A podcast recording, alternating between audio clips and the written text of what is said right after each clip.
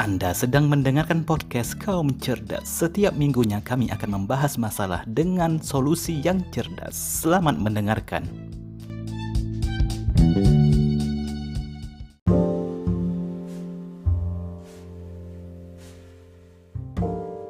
Cara belajar di sekolah tanpa pusing. Apa pun yang kita lakukan untuk membuat diri kita lebih baik, itu namanya belajar. Sekali lagi ya, apa pun yang kita lakukan untuk membuat diri kita lebih baik, itu belajar namanya. Nah, di awal-awal saya sudah tekankan tentang apa itu belajar.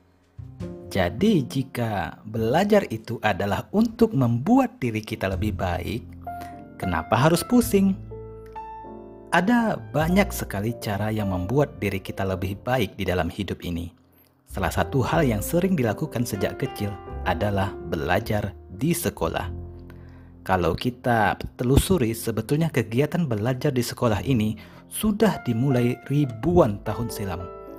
Suatu kebiasaan yang dilakukan dari dulu secara terus-menerus, lama-lama akan menjadi budaya, dan jika itu baik, selanjutnya akan dijadikan kewajiban semua negara di dunia mewajibkan anak-anak belajar di sekolah.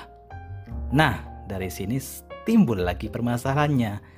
Banyak sekali orang-orang yang menganggap belajar di sekolah itu membuat pusing saja. Apa betul begitu? Tentu banyak yang bilang memang betul, memang begitu adanya. Apa ada ya cara belajar di sekolah itu yang tidak membuat kita pusing? Jawabannya adalah pasti ada. Belakangan ini ada wacana yang mengatakan bahwa sekolah itu tidak penting.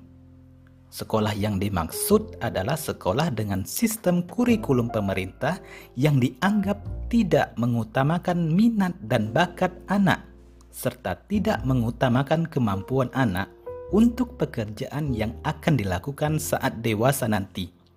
Namun, faktanya jika orang ingin melamar pekerjaan, syarat utama yang diminta adalah ijazah dari sekolah.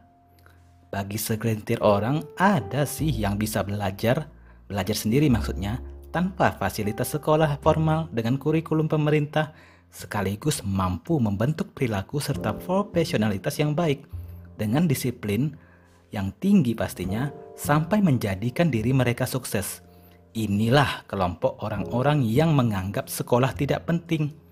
Dan orang-orang ini nyata ada di luar sana. Tapi tidak semua orang mampu belajar tanpa fasilitas sekolah. Buktinya, belajar dengan fasilitas sekolah diajari oleh guru yang profesional dengan kurikulum dan tingkat pencapaian yang jelas, masih saja ada yang menganggap itu memusingkan.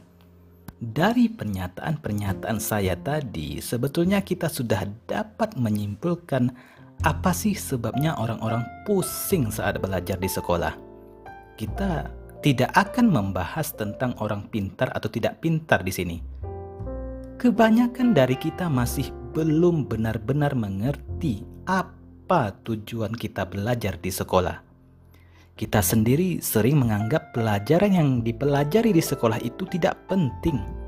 Jadi intinya, saat belajar di sekolah, kita harus fokus pada tujuan utama kita belajar di sekolah. Itu untuk apa? Di awal sekali kan saya sudah tekankan itu.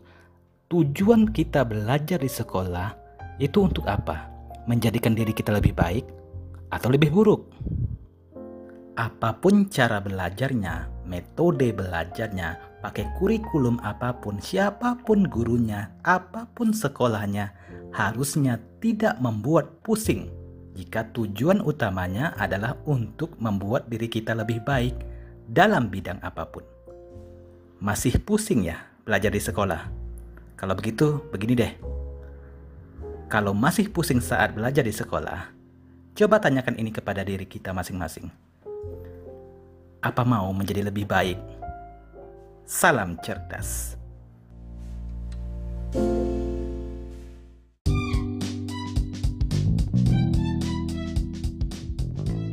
Anda baru saja mendengarkan podcast Kaum Cerdas. Jika ada kritik dan saran silahkan sampaikan di blog kami di www.kaumcerdas.wordpress.com. Terima kasih.